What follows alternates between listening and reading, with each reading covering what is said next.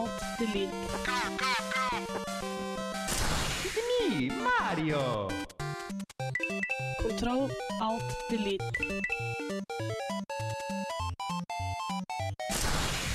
Unable to comply.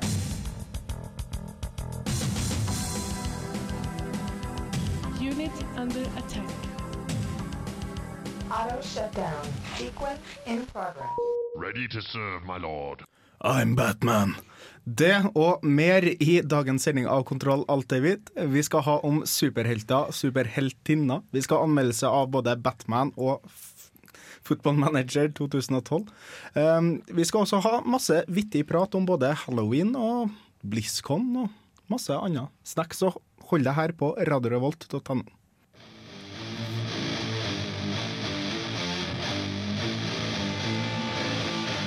How you doing? This is uh, Sahara Drek, uh, StarCraft commentator. I have not talked to a woman in over a decade, and you are listening to Control Alt Delete.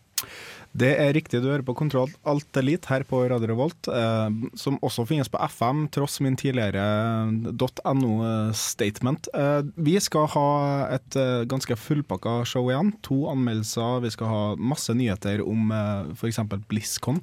Men først, hvem er det som er med min, da, Erik Vibe, sin nydelige stemme her i studio? Hallgeir Buhaug, god dag. God dag, god dag. må, prøve, må prøve å komme med en nydelig stemme. Ja. Ja, ja, det, det, det, det passer inn. Nok en trønder. Det er viktig at vi er nok trøndere i en egentlig trøndersk eh, radiokanal, syns jeg. vi må være representert, i det minste. Og her eh, sitter vi med 50 av, av mannskapet. Vi blir vel litt eh, i mindretall etter hvert, men det får så være. Ja, nei, vi tåler å være minoritet i vår by. Ja. Hva har du spilt denne uka? Uh, spilt uh, veldig lite, faktisk. I forrige uke så satt jeg og hadde to semesteroppgaver som skulle leveres samme dag. eh, På fredag, eh, og så dro jeg, dro jeg hjem i helga. eh, Og der er det lite med spillmuligheter. Jeg tok heller ikke med meg PC-en min. Så jeg, jeg bare leste litt, og så de siste dagene har jeg spilt litt Dark Souls, men det har vært ganske lite med spilling, så jeg har ikke kommet meg noe særlig langt i det. Og det er så forbanna vanskelig, og at jeg, etter ti minutter holder jeg på å skal kaste kontrolleren i I veggen. Ja, og, og så forresten, ja, nå har jeg skaffa meg Dance Central 2, så Yeah. jeg har spilt litt, det, det er faktisk ganske kult. Ja. Bård, god dag. God dag, god dag, god dag. Ræstad sådan. Sådan, ja. Ja. Hva har du spilt? Vel, jeg har nå sittet og kost meg forferdelig masse med Batman Arkham City. Jeg har brukt godt over 30 timer i løpet av den siste uka til vi på å spille, og jeg har fortsatt en god del igjen som gjenstår. Ja. Ja. Riddler skal bli tatt ned, og et par skurker til. Men ja. historien er ferdig, og den var veldig så god. Ja, men det er godt å høre. Og den anmeldelsen får dere høre litt senere i programmet. Tor, hallo. God dag igjen. Hva har du holdt på med siste uka? Nei, jeg driver og varmer opp til Uncharted 3, som kommer neste uke, er det vel? Mm. Så jeg har spilt en del Uncharted 1 og 2, og så har det blitt litt Minecraft og diverse andre ting. Litt sånn småfidling med forskjellige annet. Du har ikke varma opp noe til Battlefield, da? Jeg har eh, det, egentlig gjort det òg. Det har blitt litt Battlefield-spilling, så nå ligger Battlefield-spillet klart og venter på meg. Så fort jeg kommer hjem, så er det å kaste seg inn i det. Sette seg i gang i anmeldelsesprosessen, for det kommer neste uke, ikke det? Det gjør det nok. Sjøl har jeg spilt et uh, søtt lite spill som heter Sequence, som da uh, koster 40 kroner på Steam. Uh, det er et rytmespill blanda med en JRPG, men faktisk ganske artig historie. For eksempel kan jeg fortelle dere vitsen om uh, Spiked Club. Som du da egentlig antar så er det da en sånn Spiked Morningstar, men nei da, denne klubben den har litt vodka på seg. Du hører på Kontroll til Elite her på Radio Revolt, og her kommer Tåke med Myr.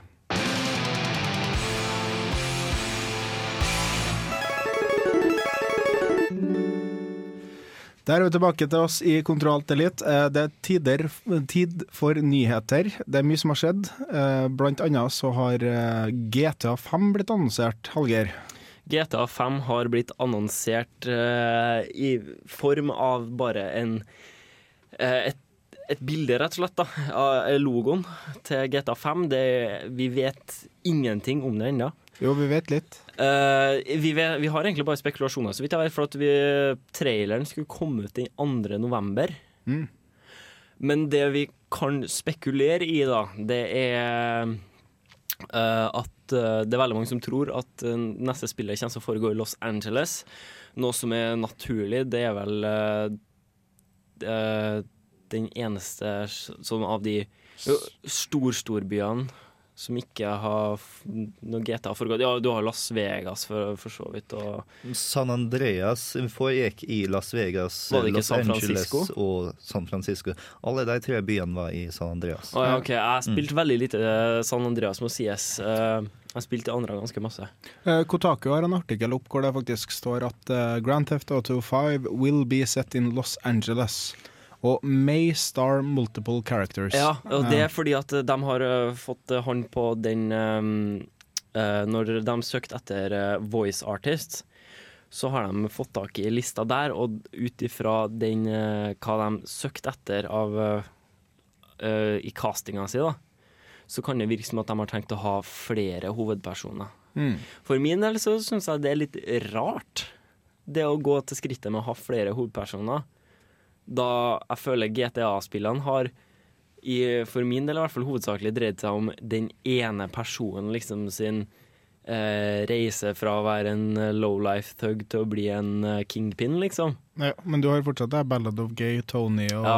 eh, Lost and the Damned uh, Videre Hva heter det? Expansionene. Eh, Nei, det her er egentlig ganske artig kokkblokking fra Rockstars side. Du har Uncharted og Battlefield som kommer ut i denne tida, så kommer Rockstar bare Nei, alle sammen, følg med! Ny GTA på vei! Ho, ho, ho. Og så kommer Modern Warfare 3 uten Nei, følg med på traileren vår nå! Og så kommer Saints Row. Sånn, nå skal vi igjen her ha med kule ting som GTA ikke er. Så kommer GTA. Vi er størst i verden, følg med på oss! Det er ikke satsgærningene der nå. Ja, for traileren til GTA kommer vel eh, tre uker før uh, lanseringa til uh, Saints Row 3 Tre? eller noe sånt. Det, eller Noe sånt, The ja. Third, som det Det heter. er neste onsdag så kommer traileren ut. Ja. Eh, vi kan også rapportere at GTA 3 er for så vidt ti år gammelt, Mm. noe som får meg til å føle meg veldig gammel. Jeg var da 15 år når det kom ut, og det føles ikke så lenge siden ut, egentlig. En ting kan jeg si, altså, det var i hvert fall ingen av oss som var gamle nok til å spille, Nei, og alle sammen spilte. Alle sammen har spilt det. Bare det, det ungdommen min er prega av å banke opp horer og få tilbake pengene mine. Liksom det, det, det, GTA har en spesiell liten plass i mange sine hjerter, for å kalle det det. Eh, vi kan også si det at eh, eh, BlizzCon har vært. Å, BlizzCon har vært, og det er en eh, årets lille happening for min del. Det, jeg er ei Blizzard-hore. Eh, Skal jeg banke det opp og ta pengene mine tilbake? nei, nei, jeg er ikke, jeg er ikke ei sånn hore. Eh, jeg er ei hore som kjøper produkt. uh, Antihore. Ja, Antihore, kan vi si. Nei, eh, det var en god BlizzCon i år, må sies. Eh, masse kult som ble annonsert, kule trailere. Um, av annonseringa så er det jo så klart uh, Mists of Pandaria som er den store snakkisen av den neste expansion til World of Warcraft. Og man, folk etterlyste jo allerede i den første expansionen at vi ville spill som Pandaren. da. Um, og nå kommer det. Uh, Pandaren får faktisk bli en spillbar rase for både Horde og Alliance. Noe som jeg syns blir veldig rart. Uh, jeg, jeg er spent på hvordan det vil fungere i sånn som Battlegrounds og sånn. Timinga av den annonseringen av den expansion virker litt rar, med tanke på at det er jo Jeg vet ikke, de har jo ikke annonsert noe tid, og de pleier jo normalt sett å komme med expansions rundt jul, gjør de ikke det? Nei, de kommer som faktisk som oftest rundt sommertida. Det er det de gjør. Ja. Uh, det er faktisk spekulasjoner om at den her kan komme allerede til sommeren. Det var mer som ble annonsert eh, fra BlizzCon, bl.a. blant annet Dota og Diablo-nyheter. Dem kommer vi til å komme tilbake til senere i programmet. Her kommer Mongolian Jetset med Bella Laney.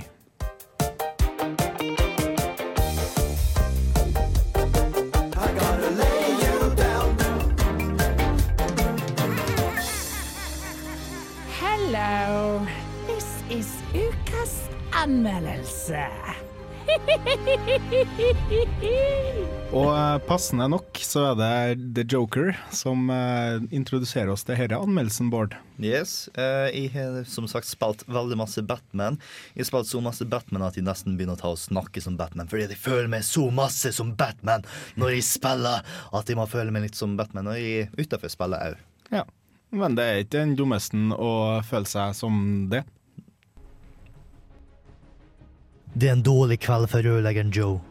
Ikke bare har han blitt uskyldig dømt til å sone i Arkham City, en bydel gjort om til et fengsel, men nå har også en av de virkelige kriminelle bestemt seg for å banke livskiten ut av en, bare fordi han kan. Joe roper ut etter hjelp, men i en by full av ondskap og galskap, hvem kan hjelpe han?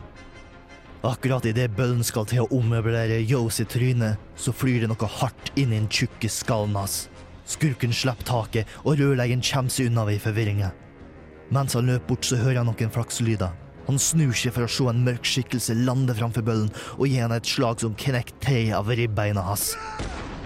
Det er først når bøllen faller om på bakken, at Joe gjenkjenner skikkelsen. Det er hevnen, det er natten, det er Batman. Det er nettopp dette Batman Arkham City er fantastisk på. Følelsen av å være Batman. Å være superkompetent. Å spre frykt hos feige og overtroiske kriminelle. Og kjempe mot de verste psykopatene tegneserieverden kan servere. Forgjengeren Arkham Asylum tilbydde det samme, men Arkham City leverer en større og bedre versjon av alt.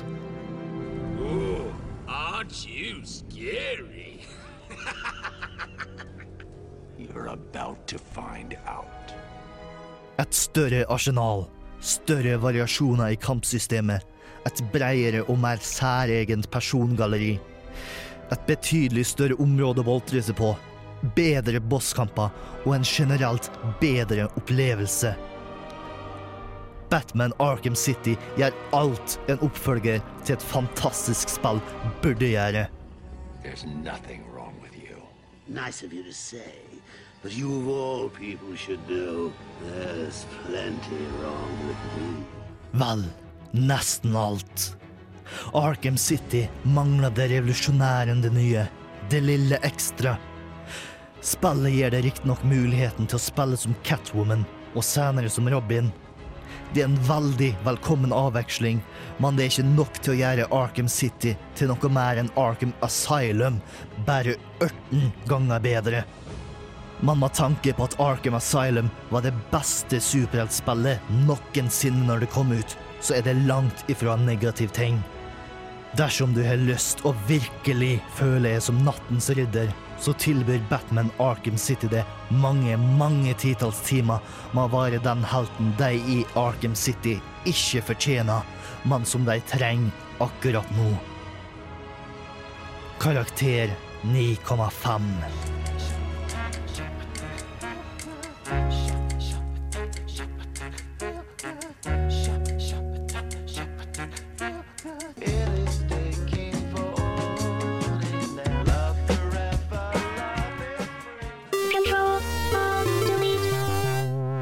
Der hørte du først eh, anmeldelse av Batman Arkham Asylum, og så hørte du en eh, veldig ålreit remix av eh, Feel Good Inc., som originalt ble laga av Jeg mener Batman Arkham City, unnskyld. Uh, laga av Gorillas. Um, du føler deg som Batman når du spiller Batman. Ja. Ja, det er godt å høre. Eh, hvordan eh, hva, hva var resten, på en måte? Eh, du, du, du sier at dette er som Batman Arkham Asylum, bare 18 ganger bedre. Ja. Hva er det de har forbedra på? Eh, vel, blant annet så er det i stedet for at du er inne på én øy med her, her med forskjellige bygninger, som får det til å føles litt sånn som eh, Metroid Prime og den typen spill, så føles det masse mer som Infamous, er på den måten at du har en eh, stor, vid by du kan ta og fare rundt på. Plutselig så møter du noen fiender der nå, eller noen som trenger hjelp overalt, og Sidequest og alt mulig rart. Så det føles masse mer som du er Batman i Gotham, Mm. sånn som det er i tegneseriene og filmene. sånn Så det er litt mer sandboxy. Ja, det er så absolutt masse mer sandbox enn det var før. Hvordan ser det ut i forhold til gamle spillet? Er det noen store forandringer Det er ikke så store forandringer. Eh, en god del av skurkene har fått eh, ganske særegne uttrykk. For eh, i Arkham Asylum, så med unntak av eh, Harley, så så alle sammen ut som de kom ut fra tegneserien. Ja. I ta spillet her nå så har jeg fått ganske mer særegen personlighet. For eksempel pingvinen er blitt eh, britisk med en flaskebunn flaskebotn eh, på ene øyet sitt og alt mulig rart, så han er veldig annerledes enn det er i tegneserien og alt mulig rart. Det er en ting jeg er litt spent på, det er eh, når det kommer til sånne sandbox-spill. Så hvis det er én ting jeg hater, så er det hvis de ikke utnytter det faktum at det er et sandbox-spill. Sånn som jeg anmeldte eh, Crisis uh, i fjor, uh, nei, forrige semester, da. Og, og da Det var et spill som ga deg mange valgmuligheter, eh, men det kunne ha gitt deg så mange flere om de bare hadde tatt inn over seg det faktum at du er en supermann som kan gå overalt la, gjør spillet sånn at du kan gå overalt. Og sånn som Arkham City, da. Eh, historien, eh, mainquesten, er den lineær, eller er den sånn eh, Den er spredt ut overalt. Det er med et par få unntak så er det svært få områder du ikke kan ta og gå med en gang du har åpna seg. Og eh, det er ganske spredt utover hele byen, så du kommer til å fare fram og tilbake hele tida. Og det er òg litt sånn at du kan velge sjøl, på en måte, eller hvordan du kommer deg dit. Og Som ofte så er det med å ta og eh, grapple det oppe på et hustak og fly bortover til vi må grapple på nytt. Du kan selvfølgelig gå rundt i gaten hvis du vil det, men eh, det kommer til å ta sin tid. Ja, men det er jo det som vi gamere vil ha. Vi vil kunne gjøre alle de kule tingene som de legger opp til, men vi, vi vil ha muligheten til å gå baklengs hvis vi bare setter det inn i hodene våre at vi vil det. Eh, så absolutt, hvis du har så mange tools til din disposal som eh, i hvert fall Batman har, da, så har du i hvert fall lyst til å prøve ut alle sammen. Det tror jeg vi alle sammen kan være eh, enige om. Eh, senere i sendinga så får du eh, anmeldelse av Football Manager, men først så hører du Grimes med Oblivion.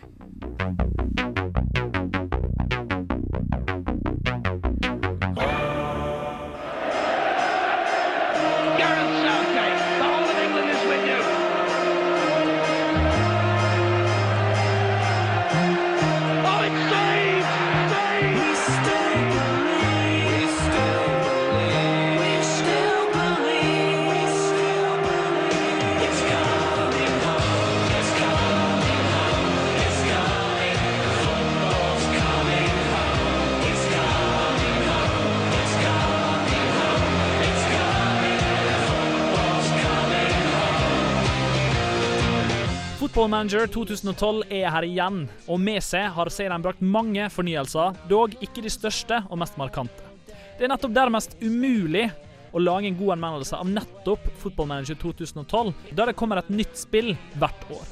Det er nærmest som å sammenligne det med en vanlig person. Det er den samme personen som i fjor, men i år så har kanskje en litt bedre hårklipp, en litt mer moderne smarttelefon, og for alt vi vet, en ny kjæreste. Og det er nettopp der Football Manager faller kort. For det er tross alt ikke et nytt spill. Og ifølge prisen på rundt 300 kroner per spill, så har dette gått opp for Sports Interactive og Sega, siden de ikke krever mer for spillet. Så da er spørsmålet hva er det å si om Football Manager 2012? Jo da, Football Manager 2012 er som du kjenner det, og serien beveger seg fremdeles i stødig retning mot det perfekte. Man kan i år, som i fjor, se at skaperne Sports Interactive har tatt alle råd fra fansen og behandlet dem med ytterst prioritering. For alt som irriterer deg med forgjengerne, er nå fjerna eller forbedra.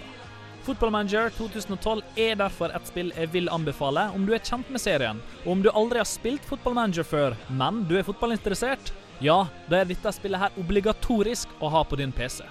Karakteren er selvsagt 8,5. Beautiful football by England. Gaza!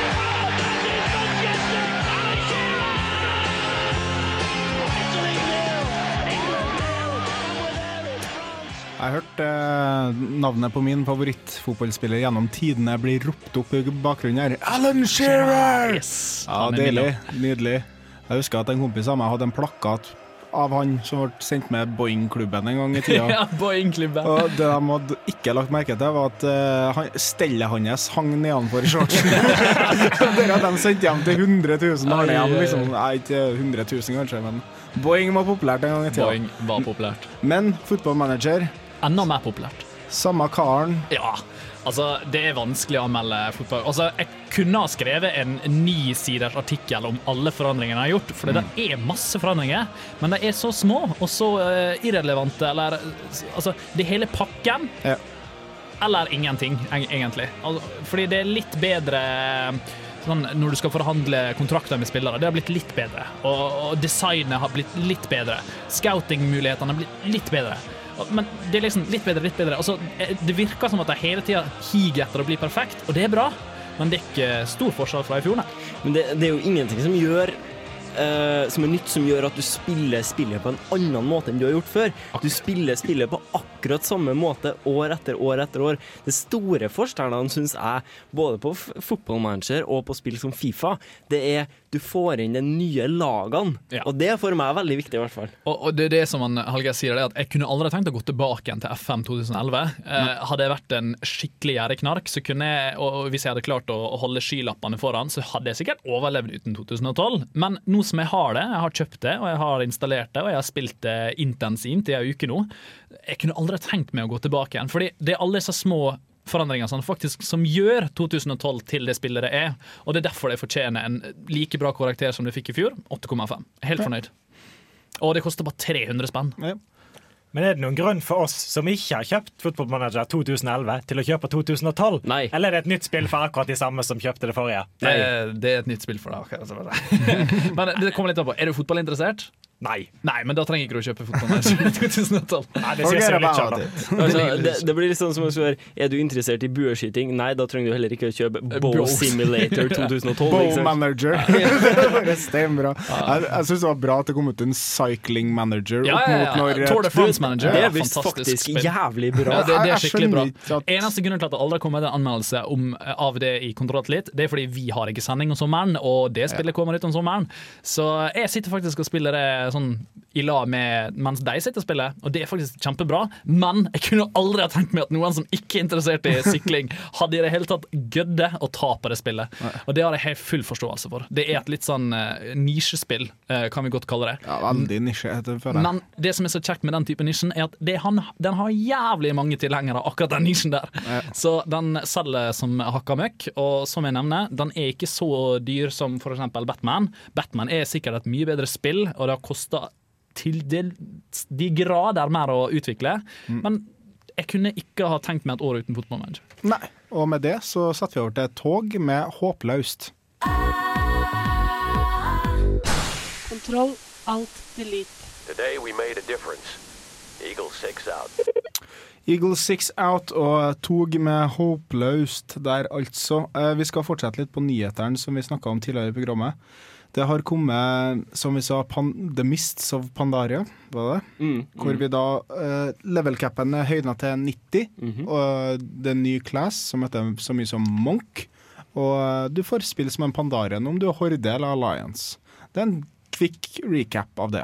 Men det var jo ikke eneste det som skjedde. Du, altså, jeg må bare nevne en rask ting om det Mists of Pandaria-greia. Uh, det var noe å snakke om pet battles. Ja, noe Pokémon-lignende Ja, det ser ut som at du kan spille Pokémon i WoW. Ja. Eh, What?! At, eh, Det ser jo helt latterlig ut. Det må jo være noe sånn som For nå har det vært lenge sånn collectible pets som du kan skaffe deg på forskjellige måter i spillet. Uh, og da for eksempel Jeg husker at jeg hadde en mini-Diablo for at jeg hadde en Ja. preorder på Burning Crusade. Eller noe sånt. Jeg lurer på hvordan det der blir balansert. Du har liksom en mini-raggy mot en Murloc. Ja. men du har jo en, du har Murlocken i, uh, i eh, smoking. Han må jo være ganske badass. Ja, ja, ja. ja. Han, uh, han som danser. Ja, ja, dans. Men det må være litt stilig å bare plutselig våkne opp en dag, og så plutselig har alle patsa dine stats og Ja, eh, liksom. abilities og sånn. When I liksom, woke up this morning, my pet had turned into a Pokémon. Men uh, også så annonserte de jo Blizzard Dota. Og eh, Dota har jo nesten blitt et eget uh, en sjanger nå. For Mm. at du tidligere så hadde du originale Dota på Warcraft 3. eh, En Warcraft 3-mod, altså. Uh, Så kom League of Legends, Heroes of New Earth. Så kom Valve med sin lansering av Dota 2. Mm. Og nå har da Blizzard kasta sin hatt inn i den haugen der. Det jeg synes er interessant med det her nå, at det er jo uh, Det her kommer til å bli gratis, Uh, og ikke sånn League of Legends gratis, uh, for du må eie Starcraft 2. da. Mm. det kommer til å komme som en mod da, til Starcraft 2, på samme måte som at du hadde det originale Dota som var en mod til Warcraft 3. Men det er i stedet for å være en mod, så blir det for, Eller det blir jo en mod, men i stedet for å være en fanmade mod, så blir det en mod laga av Blizzard. For vi vet jo hva de liker om sånne fanmades mods, ja. World of Starcraft, no thank you. Men eh, altså, det er jo eh, Det her var jo egentlig sånn veldig Blizzard holdt på dere, at dette er noe community er laga, ingen skal få lov til å ta det trademarket, bla, bla, bla. Det var ganske mye styr når Valve tok og annonserte Dota 2, som var den det blir rett og slett bare en oppfølger av Dota, mens dette blir på en måte Blizzard sin egen greie, med at de har med liksom Thrall, og de har med Arthas, tror jeg. Ja. Masse sånne forskjellige helter fra Warcraft-universet. Tassadar, Seratul Mm, Det er jo- masse fra Starcraft òg. For, Ja, der, for min del så blir det her litt sånn uh, Jeg syns det blir jævlig kult. Det blir litt sånn eh, Jeg vet ikke hva jeg skal si. Litt sånn Soul Caliber-aktig. ikke sant? Hva skjer hvis du eh, matcher han mot han, ikke sant? Mm. Jeg, jeg, jeg har alltid kunnet tenke meg å se Arthurs møte Thrall, eller for den saks skyld Tassadar i en kamp, liksom. Og apropos eh, Soul Calibur. Eh, Ezio fra eh, Assassin's Ja, Creed Assassin's skal jo bli med i Soul Calibur nå. Stemmer, stemmer. Jævlig kul det, det blir kult. Ja. Jævlig kul trailer. Og det er en, det er er en passende, passende karakter for det spillet. Faktisk. Veldig våpens, våpendrevet spill, og han har jo absolutt masse våpen. Og i noe som jeg ser litt på som en stroke of genius, så har eh, World of Warcraft også sagt at de som kjøper seg ett år pass til um, World of Warcraft, um, får Diablo 3. Det er faktisk en jævlig god deal, Ja. uh, syns jeg. Uh, det er nok eh, to grunner til det her, ser jeg for meg. Det ene er jo så klart eh, bare for å binde folk i, til ett år nå, nå som vi får en del store andre MMO-titler som kommer ut. Og en annen ting, jeg ser for meg det her kan være på en måte en, et lite sånn triks for å vise vi bryr oss om våre lojale spillere. Mm.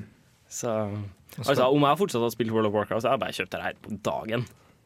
Nei, det er nok et triks for at nå er jo eh, The Old Republic på vei, Guild Wars 2 kommer snart, og er flere andre store MMO-er som kommer. Og Blizzard har nok antageligvis merka at subscribers-tallene deres er på vei nedover. Så det er nok et, en mulighet for å ta tak i de subscribersene de har, og binde de til seg for å sikre seg en markedsandel videre. Og så er det nærmere ti år siden Diablo 2 kom ut.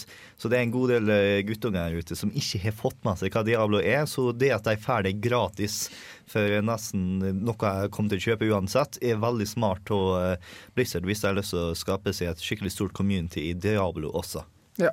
Det har også kommet en uh, Diablo 3 Cinematic, og uh, de har også laga en liten retro eh, på, på Diablo 15-årsjubileum, som var i år, da.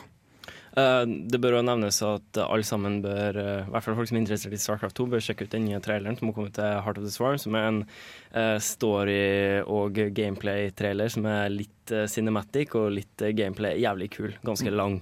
Og med Masse det- snacks. Og med det så går vi til Fantogram med Don't Move.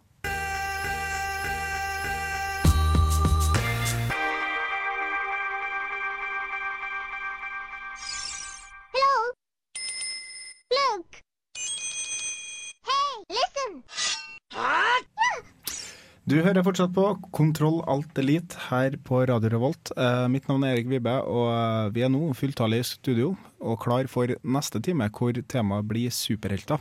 Noe som er ganske passende når vi har hatt en Batman-anmeldelse. Og når jeg har på meg en Batman-T-skjorte. Ja, men det, Det- ser ikke lytterne våre. Nei. Og når Thor generelt er i rommet. Ja. Superhelt! Vi har også, altså, eh, for meg i min barndom så var fotballstjerner ganske store superhelter, dem òg. Herregud, det er for å leke både det ene og det andre, ikke sant? Men um, det er jo halloween snart òg. Og eh, halloween er jo skummelt. Eh, så jeg tenkte også at vi skulle ha en liten eh, gjennomgang av skumle spill som er godt å spille på. Eller som passer da med tematikken til halloween, for å kalle kalle det et eller annet i hvert fall. Vi skal også ha en konkurranse hvor du har muligheten til å vinne Dark Souls. Så eh, hvis du har lyst til å spille dette kanskje ikke skumle, men i hvert fall veldig straffende spillet. Det er rett og slett helvetes vanskelig. ja, det er rett og slett helvetes vanskelig tatt fra munnen til en som har slettet seg gjennom det. Eller ikke gjennom det. det. seg gjennom det, du liksom. Nei, eh, du har i hvert fall en eh, god sjanse til å stikke av med Dark Souls, dette veldig omsnakka spillet om noe, i hvert fall. Du skal ikke si at det her er lett, etter du har prøvd det. Det er Megaman Hard, eller Nintendo Hard, som det het en gang i tida. Vi har snakka om både Diablo og BlizzCon og Nei, Diablo var vi kanskje ikke innpå. Det eneste vi, Jo da. vi nevnte jo Ja, nevnt Subscription, så får du Diablo. Ja, stemmer, stemmer. stemmer. Ny CG-trailer òg. Veldig kul. Veldig kul. Mm, mm. Bare å sjekke ut, og vi kommer til å legge ut linker, selvfølgelig. Men uh, imellom den pausen her, så kan du jo f.eks. like oss på Facebook. Du kan også uh, skifte over til radiorevolt.no og høre oss på nett, for at vi går av FM-båndet nå klokka seks. Og uh, før det så får du høre The Barefoot Movement med Tobacco Road, som en uh, fortreffelig liten visesang til ei avslutning, syns jeg. Så følg oss på Twitter, rr-spill. Uh, følg oss også på Facebook, eller lik oss på Facebook, på Radio Revolt presenterer Kontroll Alt Elite. Du kan også møte oss på Steam, hvor vi heter R... Nei, Radio Revolt presenterer Kontroll Alt Elite der. Og neste time begynner straks.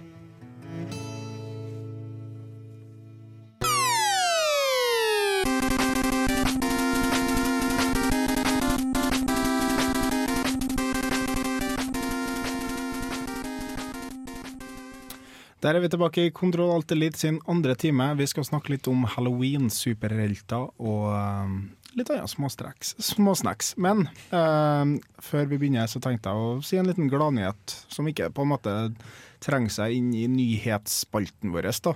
Men eh, norsk som vi er, så har vi jo en liten sånn eh, forkjærlighet for Funcom. Og Funcom kommer jo med et nytt spill som heter The Secret World. Yeah. og eh, de har faktisk allerede fått 500 000 registrerte for betaen. Og det er jo kjempeflott for eh, Funcom. Eh, det viser at det er interesse for spillet, og det viser at eh, de har faktisk et marked som kanskje vi klarer å slå gjennom med. Det som må sies med det spillet, er at markedsføringa har vært veldig god. Mm. Veldig smart, veldig sånn viral marketing. Masse YouTube-videoer, liksom konspirasjonsteorier som florerer, og de liksom De spiller virkelig på, på hvordan folk på internettet oppfører seg og sånn. Det- Jeg syns det er veldig bra. Ja, Det er bare å håpe at de klarer å gjøre en bedre jobb med launchen enn de klarte rundt Age of Conan, for det var jo en katastrofe, for å si det mildt. Ja. De hadde jo masse folk som hadde forhåndsbestilt og var klare til å hoppe inn i verdenen, men jeg tror så å si alle liva den første måneden. Ja, det var horribelt glitchy, eh, og det var ikke klart for lansering. eh, Nei. Nei, og så hadde jeg vel ikke nok servere, og det var lange køer. Og så stå, å stå i kø for å spille noe som er fullt i, huet helvete, det er det ingen som gidder. Nei. Nei, men det var dem, de, de som har Jeg kjente i hvert fall som har spilt det, og som prøvde liksom å gå fra World of Warcraft til det, sa jo det at det er et nytt system. Det er spennende, liksom, og det er sikkert mye av det feilene med Age of Conan er ironed out nå.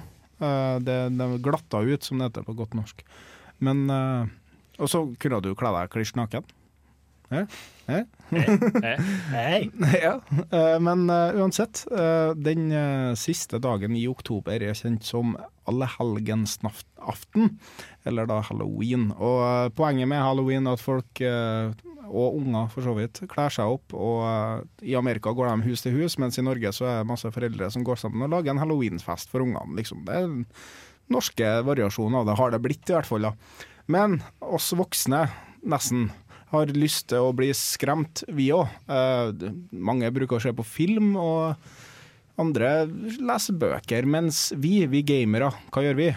Jeg syns i hvert fall for min del det- er mye skumlere å spille et skummelt spill enn å se en skummel film. Det er det. Fordi det har noe med den eh, interaktiviteten å gjøre. ikke sant? At det er hele tida du som må bevege deg gjennom de trange korridorene. og sånn. Jeg husker når jeg var sånn eh, 13-14 år og spilte Doom 3. Og var satt alene. Jeg og en kompis vi hadde satt oss i ei brakke uh, ut. Hadde svarte tepper for vinduene, så det skulle være helt stappmørkt inni her. Og så starten på Doom 3 er skummel. Altså, om resten av spillet kanskje utvikler seg til å bli mer en generisk FPS, så starten er pisskummel. Det å bevege seg gjennom bekmørket med bare lommelykt er faen meg ikke noe artig i hele tatt. Jeg husker selv Wolfenstein òg. Det er bare der skvettfaktoren med å se en sånn bikkje sprenge på deg, bare du åpner ei dør, og mye av det var grusomt. Men grafikken har jo kommet langt siden den gang, og spillbarheten av spillene har også kommet langt. Men hvis vi begynner i starten, da, så husker jeg i hvert fall vi, Jeg spilte um, Alien, det første Alien-spillet på PlayStation. Det var forferdelig for en ung 13-14-åring å ta med seg. Eller, altså, det, det var akkurat der når 3D-grafikken virkelig hadde kommet, og du så facehuggers sprenge langs gulvet, og du hadde liksom bare den ene lommelykta til å lyse, og du hadde begrensa ammo, liksom. Det er sånn hor horror og survival møtes og blandes den herlig gufsete følelsen som du får i magen når du virkelig tenker oh shit, I'm fucked. Og Det er den følelsen vi har lyst til at du skal ha der hjemme.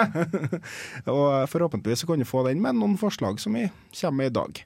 Men først så tenkte jeg at vi skulle høre på Josh Cohen med en Song of Storms-remix her nå.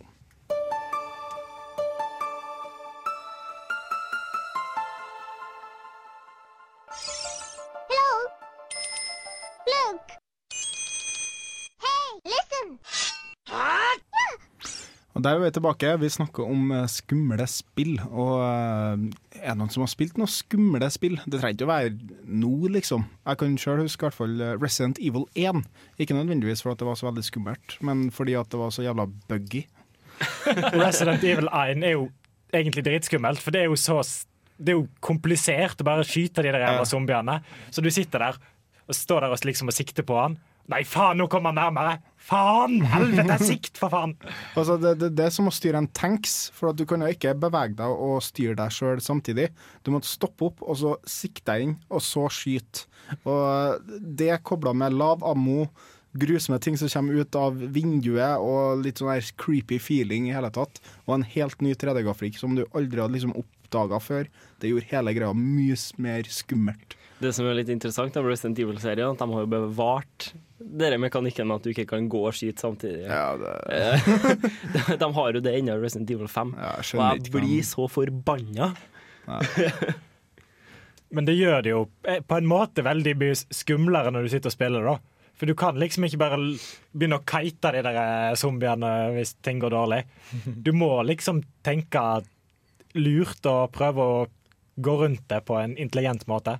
For at, eh, mye av det òg er For meg så er ikke det et skummelt spill bare for at det finnes zombier, eller Dracula, eller noe annet skummelt som de prøver å presentere til oss. Eh, For meg så er det et skummelt spill om jeg føler en viss følelse av hjelpeløshet, eh, frykt. Jeg vil ikke dø, jeg har kommet meg så langt.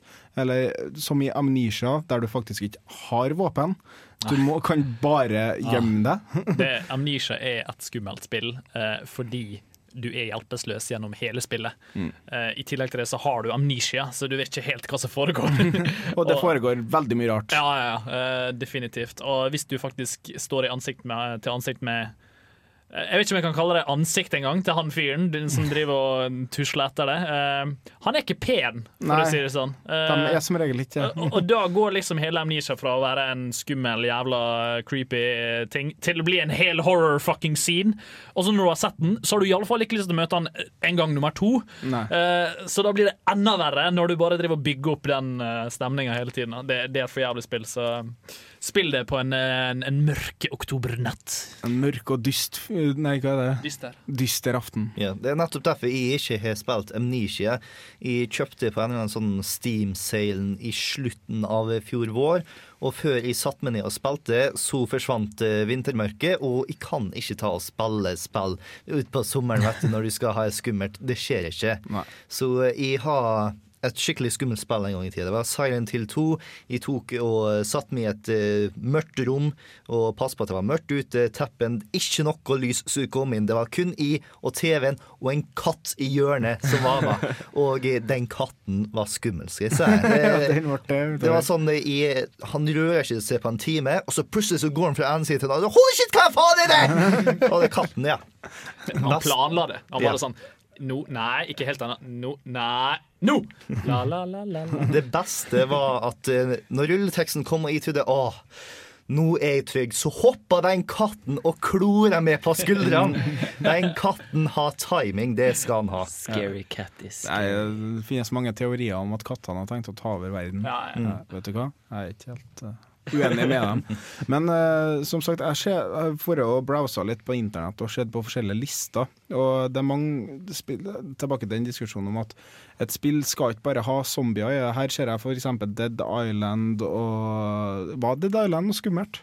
Det har sine øyeblikk når du er sånn holy shit, nå har jeg lite liv, og det er en hæl med folk her nå. Men ikke sånn uh, du får mareritt av det skummelt, nei. Um, et spill med zombier som faktisk kan være litt skummelt, som man ikke skulle tro det, i enkelte situasjoner Left 4 Dead. Eh, for at i enkelt, altså, Det er jo et veldig fast-paced spill, det kommer folk etter deg hele tida.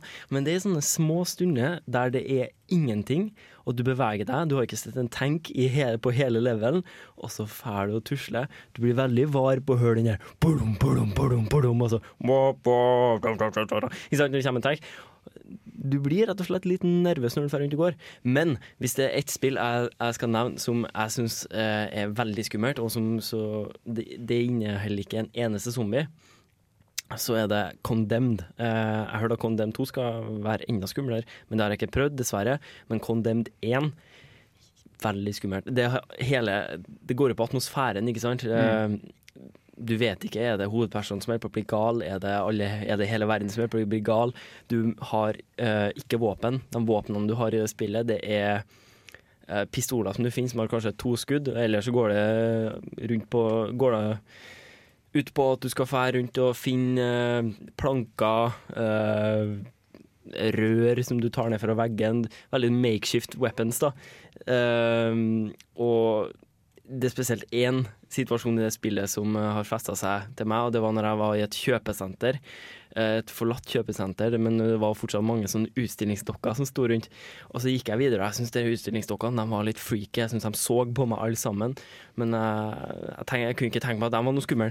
Og så gikk jeg videre, og så snudde jeg meg. Og bak meg så sto plutselig alle alle jævla utstillingsdokkene som jeg har gått forbi. Og de bare sto der og kikka på meg som noen andre roboter. ikke sant? Men det verste var, de gjorde ikke en dritt. De angrep ikke meg, ikke på hele den sekvensen gjennom, eh, gjennom kjøpesenteret. De bare fulgte etter meg. Men du gikk og snudde hele tida. Ja, jeg var jo pissredd. Og så var det jo en annen fiende som var som en utkledd utstillingsdokke. Men sånn som De så ut som en utstillingsdokke på avstand, men når du kom nærmere, så så du egentlig bare at det var ei hvit maske. liksom. Mm. Men dere faktiske utstillingsdokkene de bare fulgte etter meg og var skumle. For å Mm. være skummel. De var rett og slett bare slemme. Men uh, enda et spill som faktisk kan være skummelt uten at det har noen intensjon om å være skummelt, er Minecraft. Når du Vet du hva, jeg har skvottet av det spillet her, og jeg aner ikke hvorfor. Her har du lyden. Ja. Å gud, jeg hater den lyden. ja, ja, ja, ja, han er litt mer sånn be Ja, behagelig. ok, ja, ok, Jeg vet at du er bak der en plass, liksom. Nei, det, det, Verken zombier eller spiders er jo skummelt i Minecraft. Det er når det plutselig dukker opp en creeper Yes. og kommer, ja, kommer mot deg, og du bare Nei, faen! Du har akkurat mine et eller annet di- diamanter eller et eller annet langt under bakken og på vei opp igjen til senga di for å sove. Og så kommer den der jævla creeperen, og du har lite liv, og du løper som en jævel for å unngå. Men det er samme med edderkoppen nå, føler jeg. Som regel så finner du en sånn spawner, og det er en haug av de edderkoppene. Du bare plutselig detter gjennom gulvet og befinner deg i et rom fullt av edderkopper. Og de er, de ikke noe bra rendra. Alle sammen har for så vidt sett Minecraft-grafikken. Det er ikke noe du skal bli redd av, men du blir bare overvelda av at helvetes faen, og dem du skvetter, rett og slett. Men det er jo ikke bare skvetting som skal til, på en måte. Men jeg si, eh, jeg antar at alle i rommet her har spilt Half-Life 2. Selvfølgelig. Ja, første gangen jeg gikk gjennom Ravenholm, eller eh, rett og slett gikk inn i Ravenholm, ikke når jeg var der, men når jeg gikk inn, og liksom Du har bygga opp sånn i starten Everyone's uh, we, we don't go there anymore. Ikke sant? Du kommer inn, og så ser du liksom at det springer en jævla varulvlignende ting over taket, og det er helt mørkt, og alt brenner. Jeg syns at Ravenholm var ganske skummel første gangen jeg var der. Vi skal gå videre. Eh, her kommer en sang fra 8-Bit Collective, som er et samling av eh, hva skal du si, chiptunes-lagre på nettet. Sangen heter Roboctopus, og eh, Nei, sangen heter Imaginary Worlds, og den kommer da fra artisten Roboctopus. Vær så god. If you could have any wishes, what would you wish had.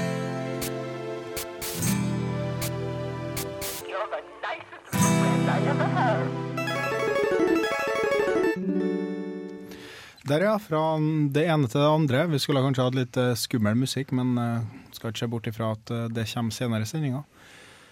Det har vært noe som heter Golden Joystick Awards. Jeg hadde egentlig ikke hørt noe om det før det dukka plutselig opp på de sidene som jeg bruker å sjekke ut. Det, det var et par ting som var litt sånn ullent med hele greia. Det er visst da folket som nominerer og, og bestemmer hva som får der Golden Joystick. Jeg vet jo om de faktisk baserer seg på et uh, pan Jo, nei. eh, not a stuffy voting panel of experts who have actually eh, been into a game shop for 10 years. Det er da voted on by gamers, the people who go out and buy games. Altså, her er da den eldste uh, prisutdelinga for TV-spill i verden, sånn som jeg forstår det.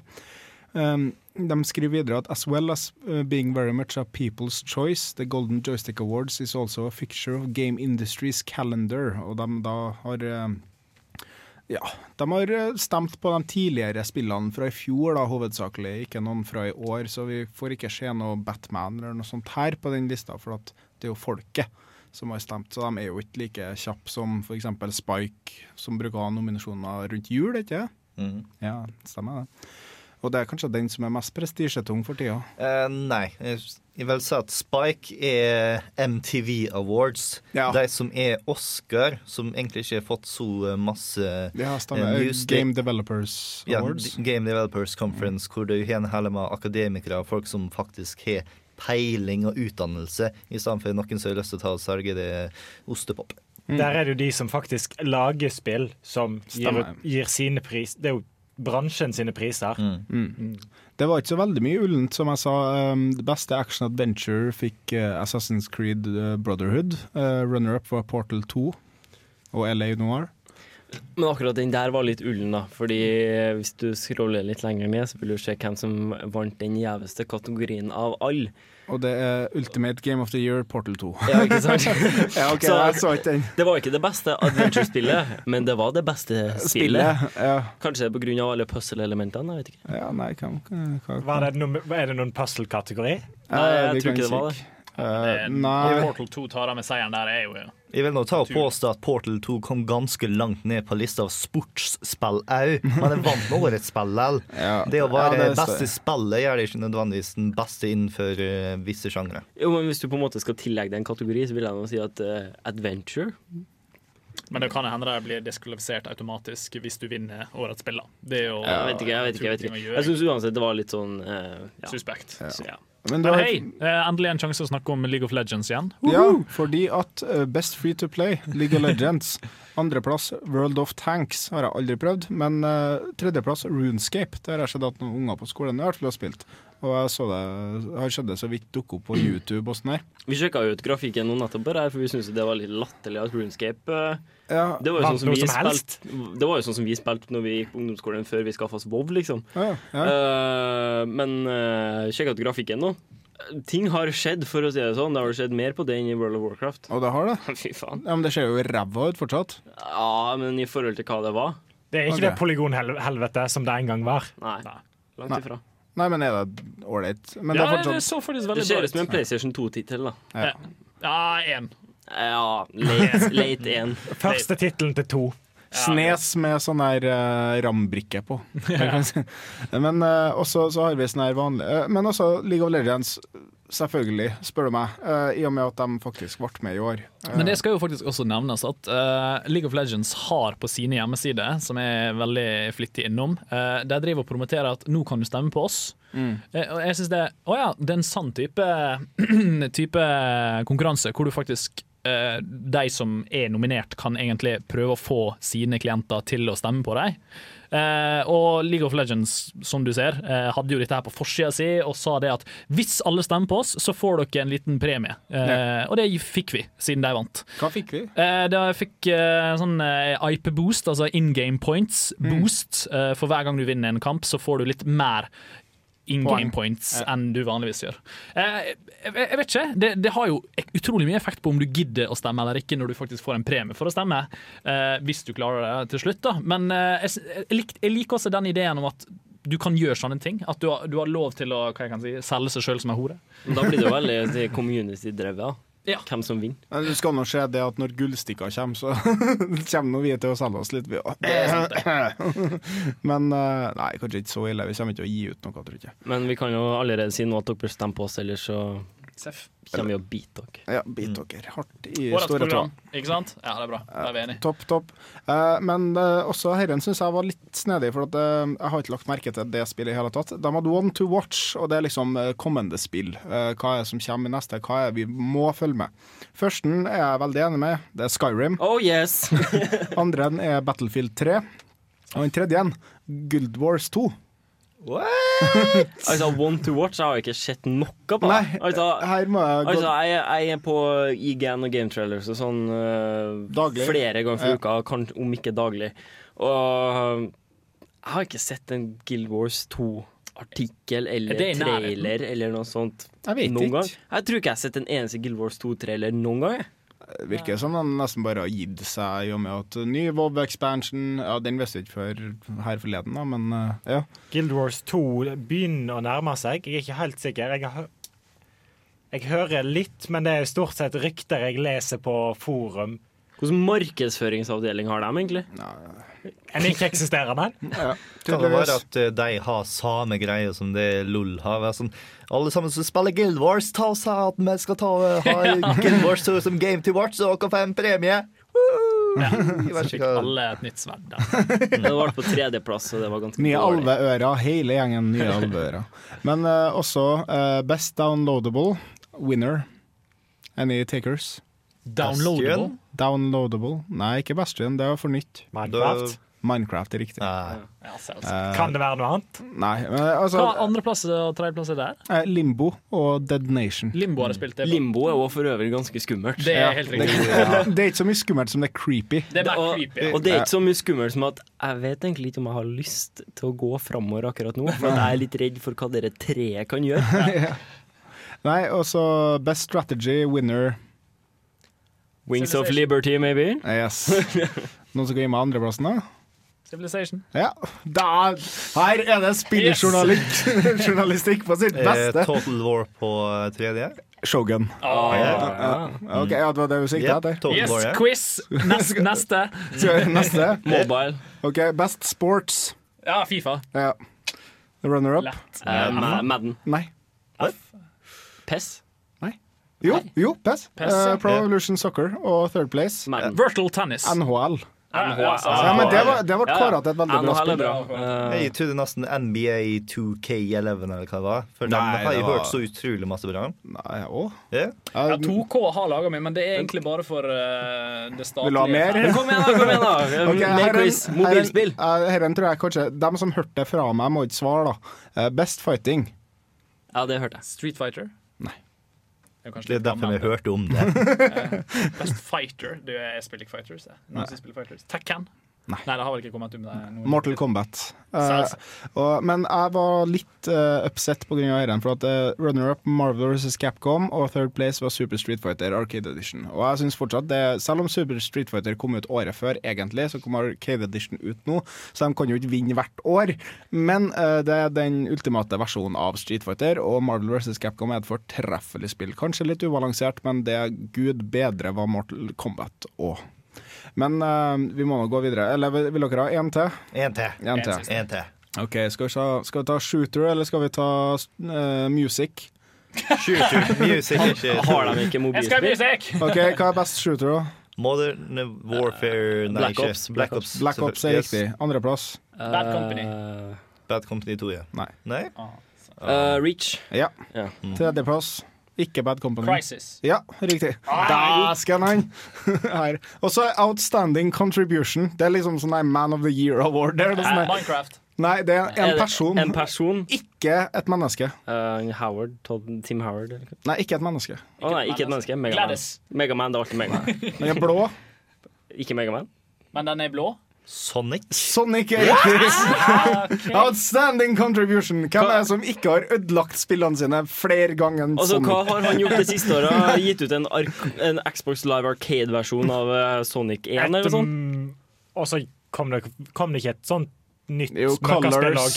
Eh, med Super Smash Bros. også, da. Ja. Det er jo litt kult. Ja, men Det er bonuspoeng.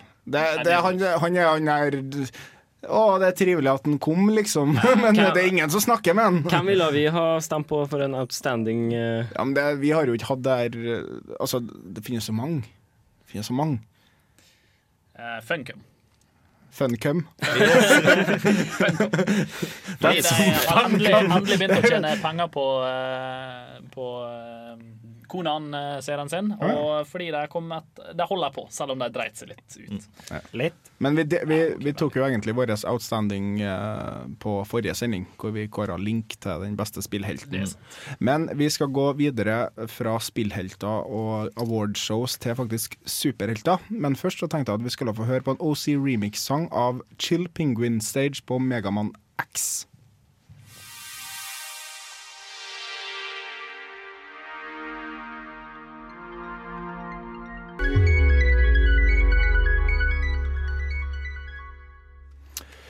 For det finnes jo mer ting enn bare TV-spill som er det vi kan kalle nerdekultur.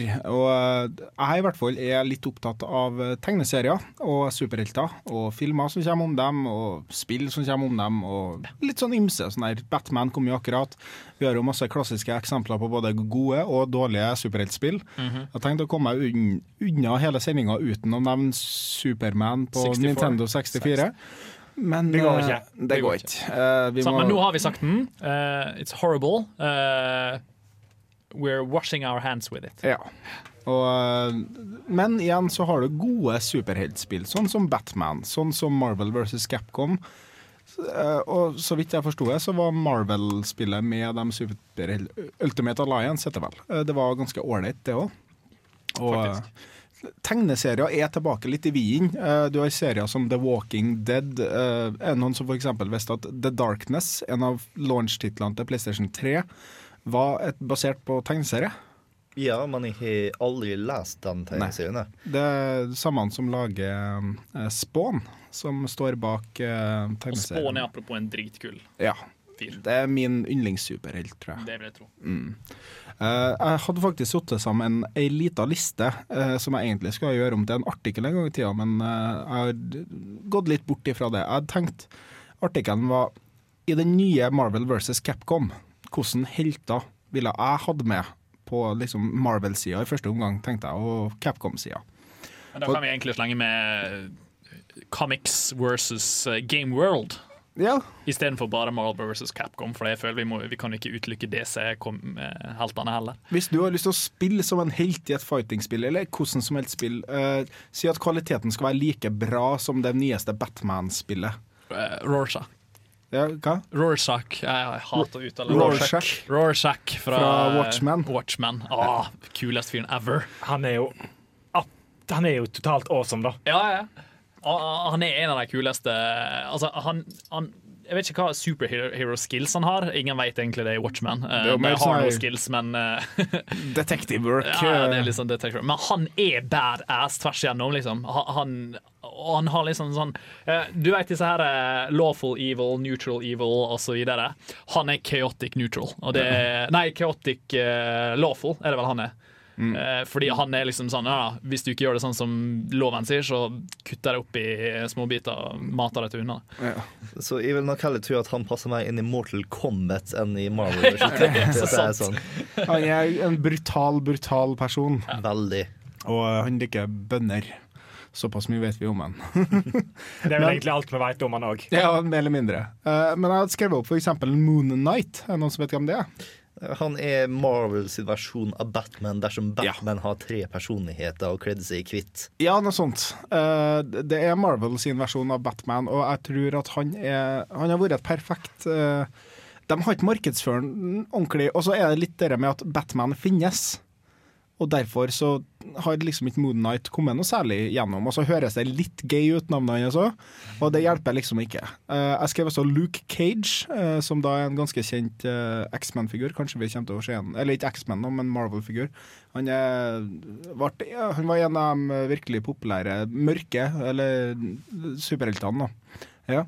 Fun fact. Nicholas Cage tok etternavnet sitt ifra Luke Cage fordi at det var favorittkarakteren hans. Oh ja, det var Uh, han het uh, Nå husker jeg ikke hvilken berømt regissør han var i slekt med, men han har ikke lyst å ta og bli, uh, bli kjent og få alt sammen. Nei, det er bare fordi at du er nevøen til eh, Scorsese, var jeg? Jeg er ikke sikker. Nei, egentlig så burde han jo Eller det var jo et greit etternavn i begynnelsen, men nå burde han jo bytte etternavn til Boll. Eh, Men du har også Jeg skrev også Mystikk, for at hun har også blitt eh, også Hun har blitt en sånn her klonekarakter, føler jeg. Eh, hun har blitt sånn her Jeg kan ta over dine abilities, i hvert fall litt, da, og liksom trikke deg med det. Og så Forge, også en, veldig, en av mine favoritthelter, for han, han kan bygge alt. Han må bare komme på hvordan han gjør det, på en måte. Så han kan bygge så å si alt. Han kan bygge et Doomsday device, og det er faktisk en Doomsday device. Det er en veldig kul uh, egenskap, føler jeg. Jeg føler Mystique har kanskje blitt sånn som uh, der tremannen i Tekken. Jeg husker ikke helt hva han heter. men- Ja, ja, han er oh, ga, Ganguro Nei, det det nei, er eh, Okk. Ok, eller? ja. han tremannen, i hvert fall. Ja, ja, ja. Han som hermer etter alle andre. Ja, ja, ja. Sånn har Mystique kunne vært, og hun kunne faktisk ha sett ut som dem òg. Ja, ikke sant? På en sånn litt annerledes måte, for at du må jo visst av at det har vært mystikk, føler jeg. Ja, ja. Ja.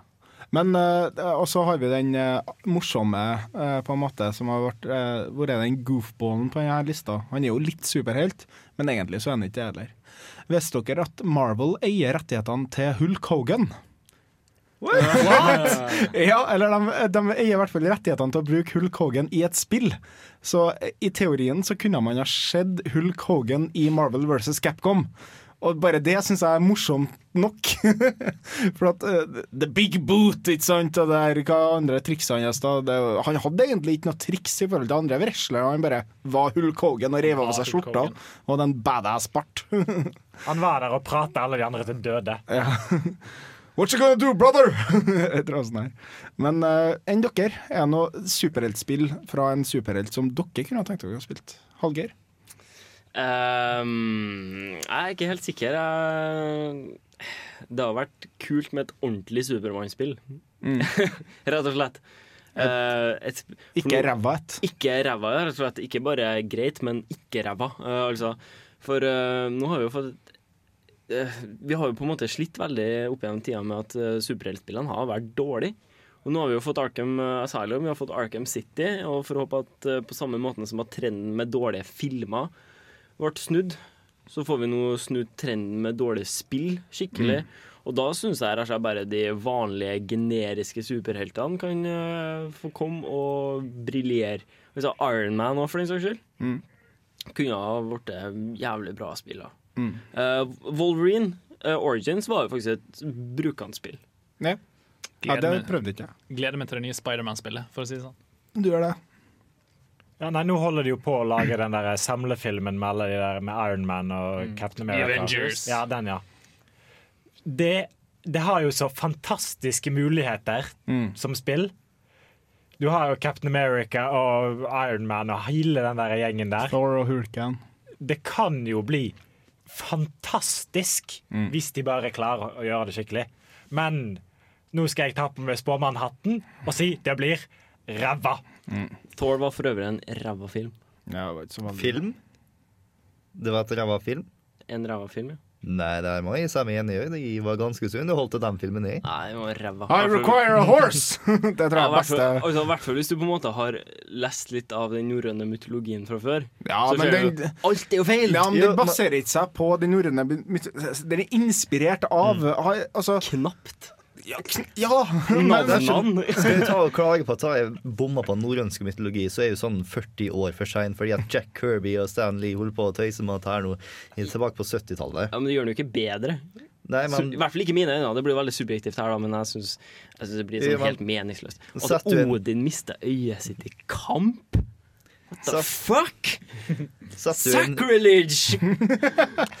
Bård? Satt du ned og forventa å se norrøn mytologi når du ser Marvel-film, så er det samme som å ta og sette seg ned og forvente en dokumentar når du ser James Bond. Ja, men den britiske etterretninga er nå ikke sånn i virkeligheten, da! Det er jo ikke laser og sånt der! Come on! Apropos James Bond. Er han Han er en liten superhelt. Ja, liten. Han, han er en britisk superhelt. Ja. Men det er Captain Britain nå. Ja, jeg vet. Han er Der har du en dust helt der. James Bond blir litt sånn som Batman, bare som ikke kan fly, på en måte. Eller sånn, altså glide, da. Eh, the Swamp Monster. Ah, der har vi en fin fyr, vet du. Uh, the, the, the, nei, The Villain with a Conscience. Eller ikke Villain, men uh, The Monster with a Conscience. Det er tagline til så mye, Det eh, er altså. samme fyren som har skrevet Alan Moore, da, som har skrevet Watchmen. Uh, som har en veldig mørk og dyster uh, setting, men han er bare dritkul, han. Uh, Jeg skal gjerne ta og se en, eh, spille et spill som passer T-skjorta mi. Fordi at jeg har riktignok på meg en Batman-T-skjorte, men det er ikke Bruce Wayne. Det er Terry McInnes. Ti nerdepoeng til alle sammen som tok den, fordi at det er Batman Beyond, eller Batman fra fremtiden, som er kjent her i Norge. Mm. Og det tror jeg har vært et ganske så artig spill, fordi at den Batman oppfører seg ganske annerledes ifra eh, nåtidens Batman. Så eh, det er veldig usannsynlig at det kommer til å skje, fordi at det var ikke sånn kjempepopulært. Men det er en forferdelig kul tegneserie som alle burde tatt og se. Og det har vært en veldig artig spill. Og skal, skal det være i Norge, så er det Lynvingen. Så. Lynvingen fra framtiden. Yes. Der, altså. Vi skal høre på Akira Yamo Yamaoka med 'Dance with Night Wind Rod'. Er det noen, eh, Hvilket spill var det fra? Silent Hill 3. Silent Hill 3. Så Just let it creep in your skin. ja, så her kommer halloween-musikken deres.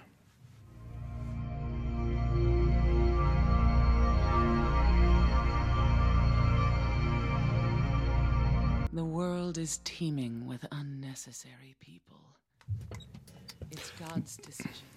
The world is teeming with unnecessary people der, altså. Uh, en god stemning for uh, halloween, føler jeg. Hvis du får høre noe sånt fra under senga i, så blir jo litt pissredd. Og Det er jo absolutt et tips hvis du trenger litt skummel musikk til halloweenfesten din. Eh, hvis du skal lage en setting eller noe som helst. Gå i spillmusikkverden, Mm. eh, for der er det mye skummelt. Masse skikkelig creepy stemningsmusikk, rett og slett. Og der har du stemningsmusikk, ikke nødvendigvis stemningsmusikk à la Hollywood. Eh, Skrik 3 har ikke noe stemningsmusikk som er skummelt.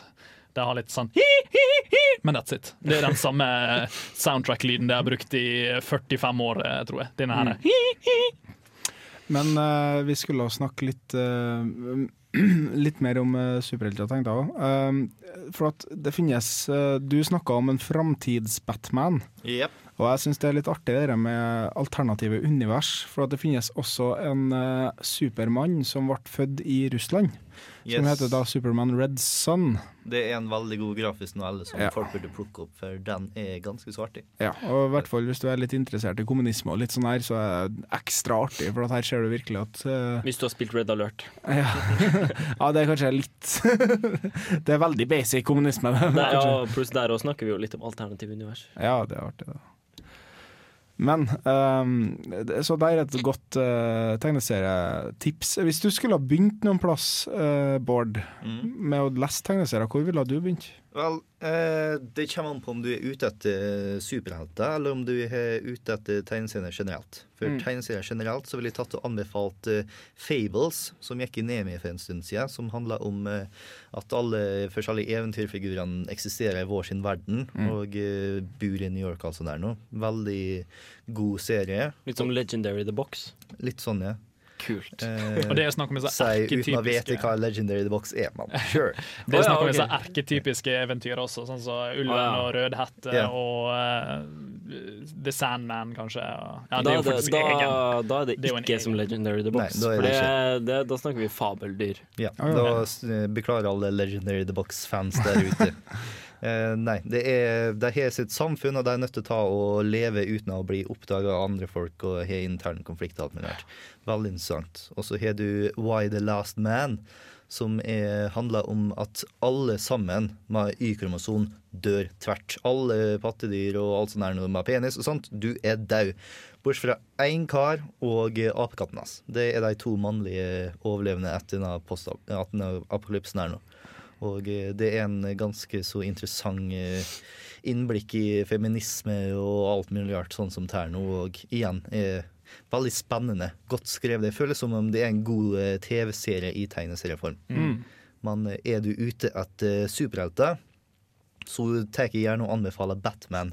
For der plukker du opp Batman Year One, og så tar du og plukka opp eh, Batman The Long Halloween og eh, Batman Dark Victory. Har du lest de tre, så er du godt inne i Batman og kan nesten plukke opp hva du vil der nå. Om du ser Frank Miller har skrevet navnet sitt på eh, tegneserien, ta den opp. Ja. Nei, da også gjerne Batman eh, The Dark Night Returns, som er fantastisk god, dersom du kan Batman. Mm. Og så er du ute etter Marvel, så vil jeg anbefale Ultimate Spiderman eller The Ultimates.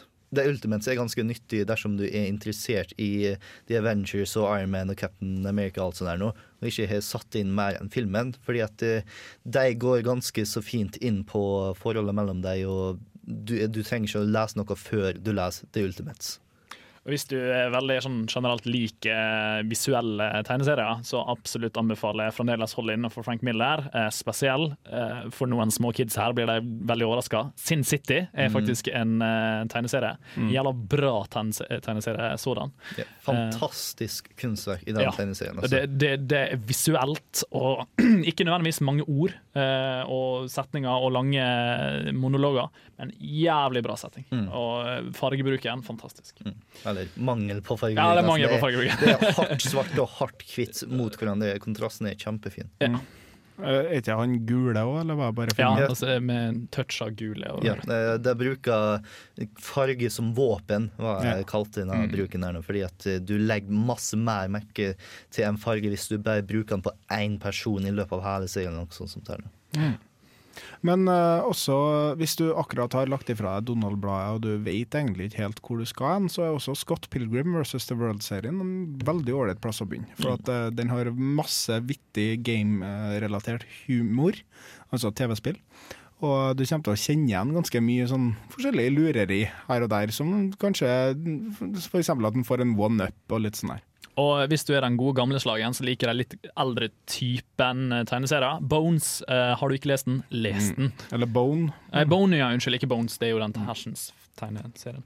Men- Nei, eh. TV-serien. TV ja. yes. Men uh, vi har også en konkurranse i dag. Uh, den lyd som følger. Hva er tema? Eller den lyd ikke som følger, hva er tema? Men hva er tema neste helg? Nei, herregud, hvor har jeg vært av nå? Hva er tema neste uke, Bård? det er superskurker, selvfølgelig. Topp Ikke nødvendigvis superskurker. Ja, nei, spillskurker, definitivt. Vi kommer til å kåre topp ti spillskurker, akkurat som jeg kårte topp ti spillhelter sist gang. Så eh, vi har lyst til å vite hvem som er din sin topp spillskurk. Og da lager vi gjerne også et stikk dersom du tar, eller en liten sak dersom du skriver nok om det.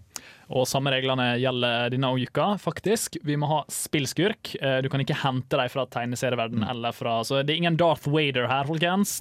Han er fra film, yeah. som er senere blitt et spill. Så det teller ikke. Jarek derimot er helt uh, legitim. Og vi har mange, tro meg. Eh, Altså, vi har bare lyst til å få var på Star Wars, jeg. Men skal du ha en Darth, så kan du alltid ta med Darth Malak, da. For Ja. eksempel. For eksempel.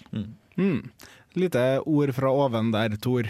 Og eh, vi må dessverre vi, begynne Du kan sende det til nerd1radiorevolt.no, alle dine svar. Eh, husk å like oss på Facebook. Ja, husk å like oss på Facebook. Gjør klar nå innen klokka fem neste onsdag. Neste onsdag. Da kan, du, da kan du faktisk vinne Dark Souls, som er et fortreffelig spill. Og jævlig vanskelig. Og jævlig vanskelig.